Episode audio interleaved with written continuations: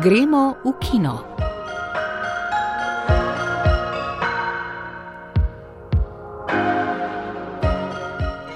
Lep pozdrav v oddaji o filmu, kinu in filmskih festivalih. V kinu je po večkratnih zamikih premiero doživel nov film o Bondu z naslovom Ni čas za smrt. Ocenili bomo še z Oskarjem nagrajeni Minari in obiskali Mariborski festival stop motion animacije Stop Trick.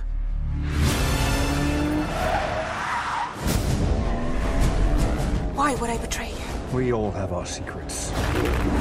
You just didn't get to yours yet.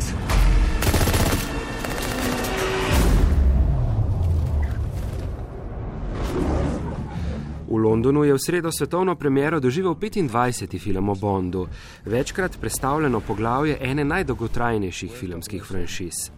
Od Dr. Noa je namreč minilo že skoraj 60 let. Londonske premiere so se udeležili igralci Daniel Craig, Rami Malek, Leia Seydu, Lašana Lynch, Ben Wisho, Naomi Harris ter režiser Kerry Georgi Fukunaga, pa tudi pevka Billie Eilish in brat Phineas, ki sta zaslužna za naslovno skladbo. Med visokimi gosti so bili tudi člani britanske kraljeve družine. Daniel Craig je na vprašanje, ali bo Bond po dobrem letu in pol pandemije rešil tudi kinodvorane, odgovoril.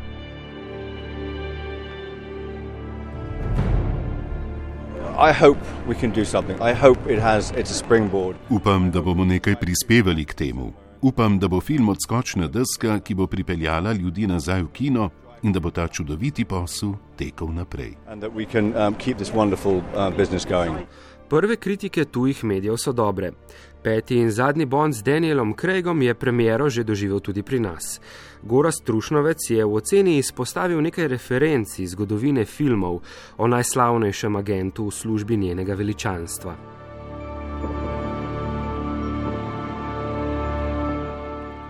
Bonda na počitnicah z Merlin Swan zasačijo plačanci tajne organizacije Spectre, čeprav je kolovodjo Blofelda že pred leti spravil za zapahe.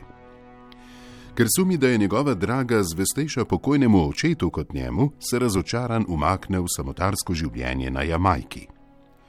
A megalomanski bioteroristični načrt, s katerim ga seznani stari prijatelj Felix Leiter, ga prepriča, da se ponovno aktivira čeprav je bila značka agenta Nični 7 pri MI6 že predana njegovi naslednici. 25. Bond z naslovom Ni čas za smrt je pripovedno nadaljevanje filma Spectre 2015, s katerim ga je priporočljivo gledati v paru, hkrati pa lepo končuje dramski lok niza filmov z Danielom Craigom, ki je v portret agenta vnesel več dvoma vase, travm in čustvenih pretresov kot predhodniki. S povezovanjem niti usode ni čas za smrt predstavlja elegično slovo. Uvodna glasbena spremljava in vožnja po priobalni cesti sta neposredno preneseni iz piscu te recenzije najljubšega Bonda v službi njenega veličanstva 1969 in če kdo ta citat zamudi, se ponovi z melankoličnim Armstrongom v zaključni špici. Avtorji torej ne skrivajo navezav na edini Bondov film, v katerem se je večni samec iskreno zaljubil in poročil. Kljub nedvoumnemu sporočilu, da Bond tokrat misli resno, kar je bilo nekakšno skrito vodilo zadnjih petih delov, gre seveda še vedno za spektakularen film dogodek z izvrstno režiranimi posameznimi akcijskimi prizori, ki jih je prvič vodil američan Kerry Georgi Fukunaga.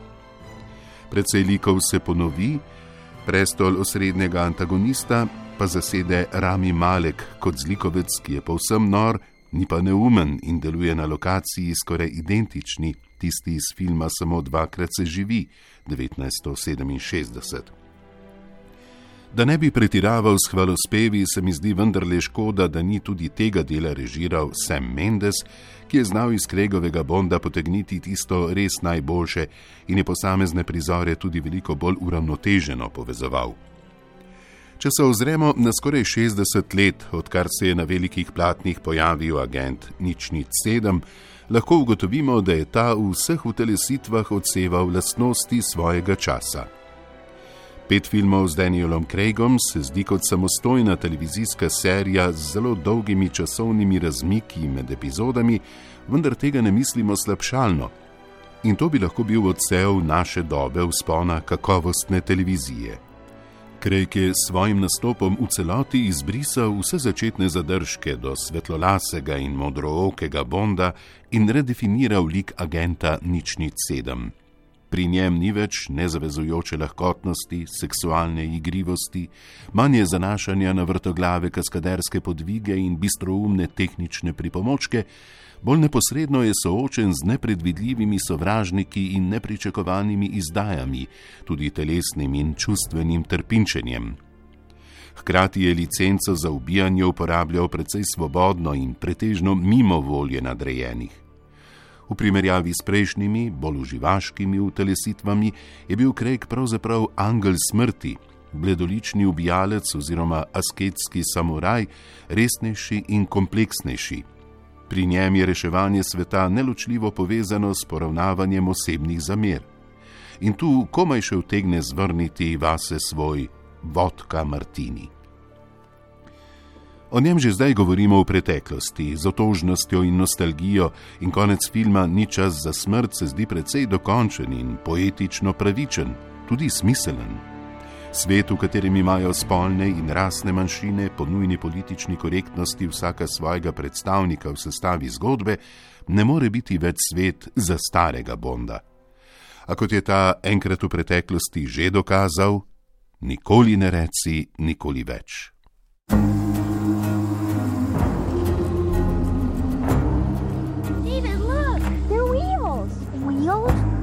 대체 어디야? 집이지. Na redni spored naših kinematografov je prišla drama Minari, režiserja in scenarista Lija Isaaca Čunga. Spomladi je bila nagrajena na podelitvi zlatih kipcev. Za stransko vlogo je Oskarja prejela južnokorejska igralka Yu Jang-jun. Tina Poglajen v recenziji izpostavlja preprostost, duhovitost, ter nežno in nostalgično sentimentalnost filma Minari in ga priporoča v ogled.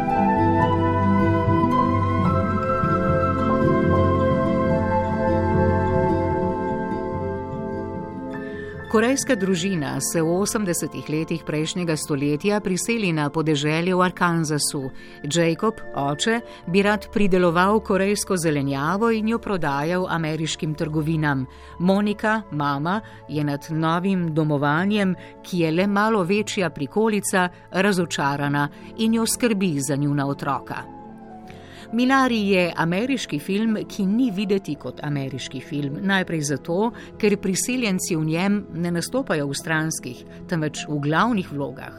In seveda zato, ker dialogi večinoma potekajo v korejščini in ne v angleščini. Kako radikalen in subverziven je v tem, dokazuje že zmeda, ki so jo imeli s filmom podeljevalci letošnjih Zlatih globusov. Čeprav gre za ameriški film, so film namreč uvrstili v kategorijo tujejezičnih filmov in s tem izvali ostre kritike. Njihova odločitev je močan pokazatelj tega, kaj nekaj, jezik ali osebo ali kulturo dela tujega, je takrat zapisal pisatelj Vid Tai Nguyen.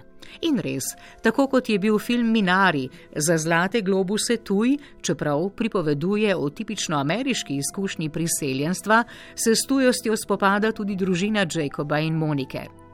Korejski pridelki, ki na ameriški zemlji nočejo in nočejo uspevati, se zdijo slabo znamenje za družino, ki v lokalni vaški skupnosti, ki jo razen njih sestavljajo izključno belci, štrleče izstopa, tako v očeh drugih, kot v ponotranjeni zavesti o samih sebi.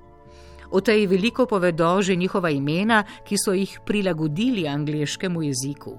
Jacob in Monika delata v depresivni perutninski proizvodnji, kjer ločujeta piščančke po spolu. Piščančje samce, ki po mnenju mesne industrije niso uporabni, bodo zmleli in Jacob svojemu sinu razloži, da morajo biti tudi oni, korejci v Ameriki, uporabni ali pa se jim bo slabo pisalo. David, najmlajši član družine, noče in noče sprejeti svoje babice, ki prispe iz Koreje prav zato, da bi pomagala družini. Zan, ki raje govori angliško kot korejsko, Sunja smrdi po Koreji in ni videti kot prava babica. S prezirom sprva opazuje tudi, kako Sunja v bližnjem gozdu posadi seme minarja, azijske vrste zelene, in mu pripoveduje o številnih načinih njene uporabe. Minar je topel rahločuten film o otroštvu, ki ga je navdihnilo resnično odraščanje v priseljenski družini režiserja in scenarista Lija Isaaca Čunga. Tako kot David sčasoma začne sprijemati svojo korejsko babico in svojo korejsko identiteto, tudi korejska zelenjava požene korenine na ameriški zemlji, tam, kjer bi najmanj pričakovali. Čungov film pa se svojemu občinstvu počasi, a zagotovo prikupi svojo avtentičnostjo, preprostostjo, duhovitostjo in z nežno, nostalgično sentimentalnostjo. Jeg vil det hele. Det Ja, familie, børn, karriere. Det hele.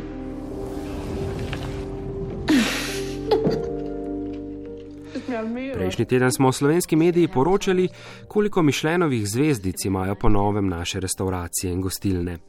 In letos je naša ponudba bogatejša še za eno zvezdico. Film Okus lakote, ki si ga lahko ogledate v izbranih kinematografih Art Kino mreže Slovenije, bo vsem, ki se sprašujete, kakšne osebne bitke potekajo za prestižne zvezdice, ponudil v pogledu za kulisje. Igrani film danskega režiserja Kristoferja Boa si je ogledala Gaja Pešel.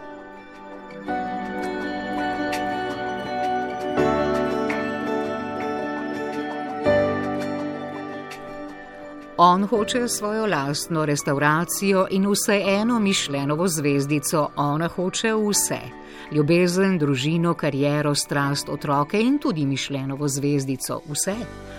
On sprva malo dvomi, da je vse dosegljivo, ona ne dvomi prav nič. In deset let ter dva otroka pozneje se zdi, da sta na pravi poti. Njuni izjemni restauraciji se namreč obeta največje kuharsko priznanje, njun zakon je še vedno poln strasti in sploh je videti vse naravnost sansko. A seveda se tik pred zdajci močno zalomi, zaškripa in se poruši. Če namreč želiš imeti vse, potem moraš vse tudi vložiti, in ko gre nekaj narobe, lahko tudi izgubiš prav vse. Pri scenariju za svoj zadnji celovečerni film Okus lakote je danski režiser Kristofer Bo združil moči z izredno priznanim rojakom Tobiasom Lindholmom in poskusil ob usporejanju svetom vrhunske kulinarike predstaviti razmerje dveh ambicioznih ljudi, para, ki v pristnem hlepenju, po čim bolj polnem življenju, kakršno sodobna družba ne le omogoča, ampak skoraj zahteva, v nekem trenutku izgubi tla pod nogami. Padec je seveda boleč, ker je bil vložek tako visok, a konec vseeno ni tako boleč, kot bi lahko bil in bi za boljši učinek zgodbe pravzaprav celo moral biti. Tudi sicer združevanje dveh principov filmske pripovedi bo pravi, da si on poskuša stvari izmisliti, medtem ko si Lindholm poskuša izmisliti čim manj, deluje le deloma, nekako toplo-hladno. Zgodba je razdeljena na pet poglavi, vsako je označeno z enim okusom, ki mu je potem dodana vsebina iz življenja glavnih protagonistov. Ko je sladko, se zaljubljata, ko je pekoče, se seveda razhajata rahlo pravlični pristop k resničnemu življenju, v katerem je vrhunska kulinarika ostala le kot ogrodje, kot prostor, v katerem se odvijajo osebne travme nekega odnosa, žal po precej bolj klišejskem ključu, kakršnega smo pri skandinavskih filmskih ustvarjalcih sicer vajeni. Ona vara v trenutku šibkosti in ker ima mož za njo v tistem hipu premalo časa. Potem se skoraj zgodi družinska tragedija, ki jo strezni, in na zadnje se njeno razmerje, ki to sploh ni, razkrije v najbolj neprimernem času in na dobesedno najbolj papirnat način s pisemcem. Vse ostalo, izjemna restauracija, ki s trdo roko in klišejskim glavnim nožem vlada mož, njuno krčevito prizadevanje za Mišljenovo zvezdico in tako naprej, je le kulisa, ki je režiser ni znal do kraja izkoristiti. Okus lakote je film, ki je, kot se za vrhunsko kulinariko tudi spodobi, izjemno lepo postrežen. Fotografija in igra sta namreč fantastični, manjka pa mu ščepec ali dva za čimp, da bi zares zadišal in bi okus po njem še dolgo ostal v spominu.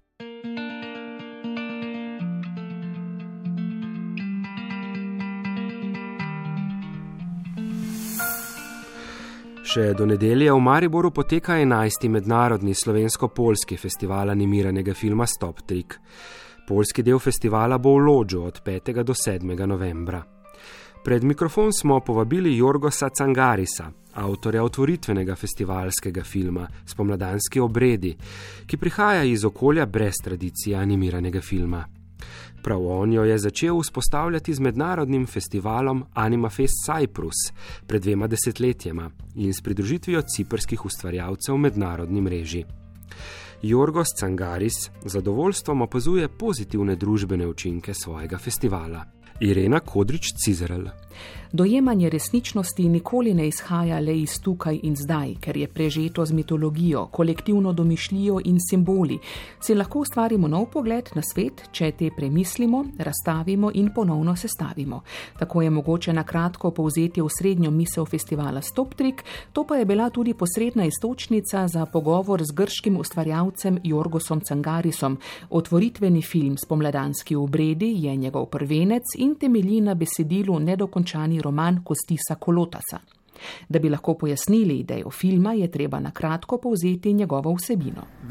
Was, uh, about, um, young, uh, young Cangaris je v filmu upodobil zgodbo o Dimitrisu, fantu, ki ga zaradi revščine njegovih staršev vzgajajo v pravoslavnem samostanu. Fanta navdušijo cerkvene ceremonije, a še bolj narava v spomladanskem razcvetu, tako silovitem, da meji že na erotiko. Tega pa cerkev ne vidi rada, še bolj pa jo moti vsa ta spomladanska mitologija, ki je močno zasidrana v ciprski kulturni tradiciji. Fantovemu naslajanju ob renesansu renesansi, ob že kar revoluciji pomladi, pa sledi še učaranost nad potojočo gledališko skupino, v kateri vidi vile pravlična bitja pomladi.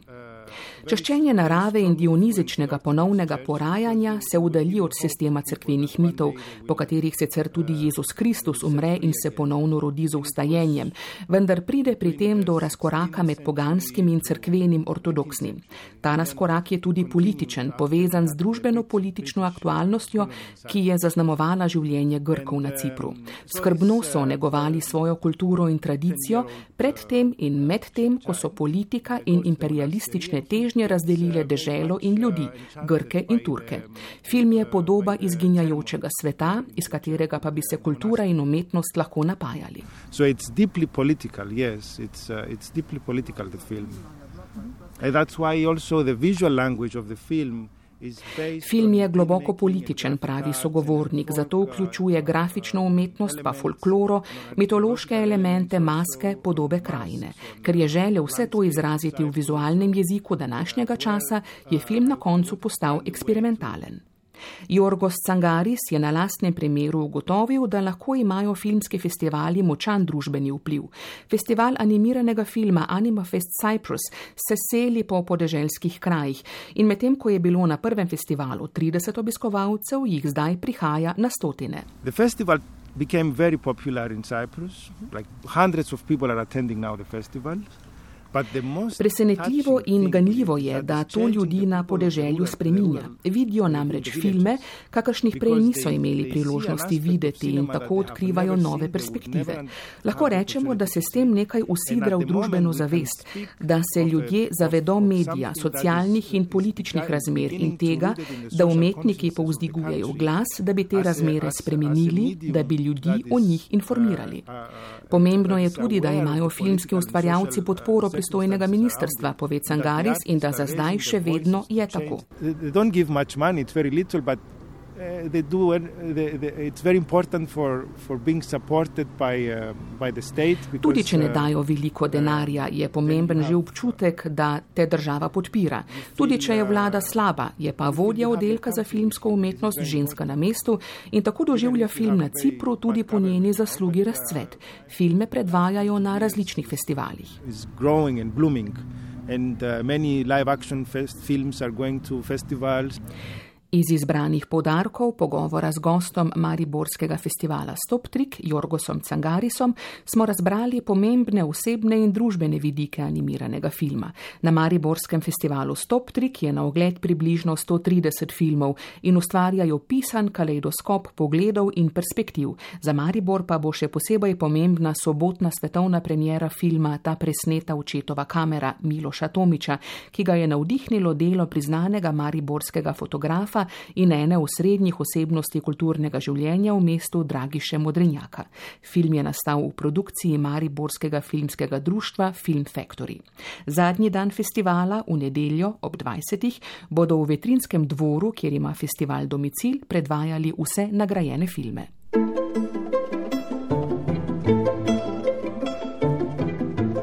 V sredo se je v slovenski kinoteki v Ljubljani odvil pofestivalski dogodek festivala migrantskega filma. Prikazali so film Igra senc nizozemskih režiserk Efje Blankevort in Els van Drill. Preplet zgodb mladoletnih beguncev, ki na begu pred vojno v svoji domovini sami prestopajo evropske meje, da bi našli varnost in si ustvarili boljše življenje. V prispevku Petre Meterc, ki ga bereta Ivan Lotrič in Lidija Hartmann, bomo slišali iraško raziskovalko in prevajalko Zuhur Al-Kajsi, ki je sodelovala pri filmu.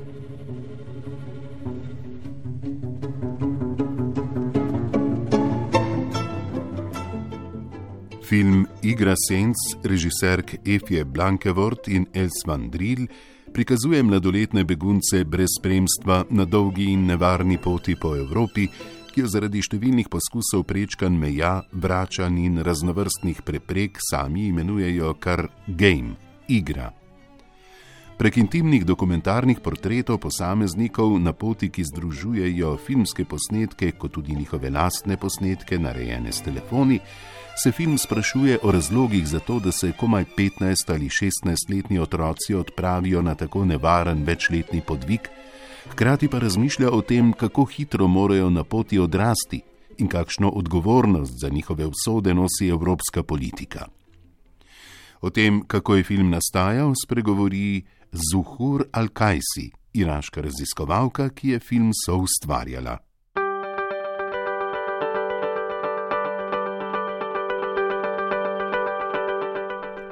V drugi polovici prihodnjega tedna Gete inštitut Ljubljana v sodelovanju z Avstrijskim kulturnim forumom in veleposlaništvom Švice v Sloveniji vabi na prve dneve nemško govorečega filma.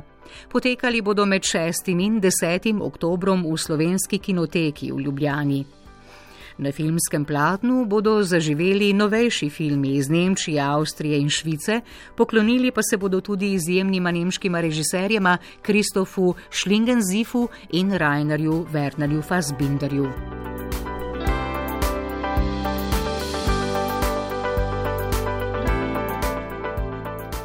Dodajmo še, da je na vodilnem britanskem festivalu kratkega filma kratki animirano-dokumentarni film Babičino seksualno življenje režiserke Urške Džukič v kategoriji animiranega filma prejel posebno omembo žirije.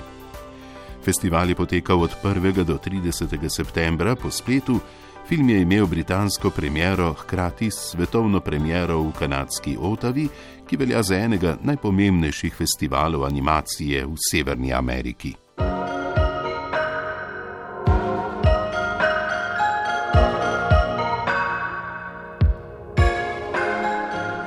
Spoštovane poslušalke, dragi poslušalci, to je bilo vse v oddaji Gremo v kino. Najdete jo na spletnih straneh prvega in Arsa v arhivu 4D, na njo pa se lahko naročite v vaši aplikaciji za podkaste. Z vami smo bili glasbena opremljevalka Tina Ogrin, napovedovalca Lidija Hartmann in Ivan Lotrič. Zvočno jo je oblikoval Max Pust, vodil sem jo Urban Tarman. Oglejte si, kakšen dober film in lep pozdrav do prihodnjega tedna.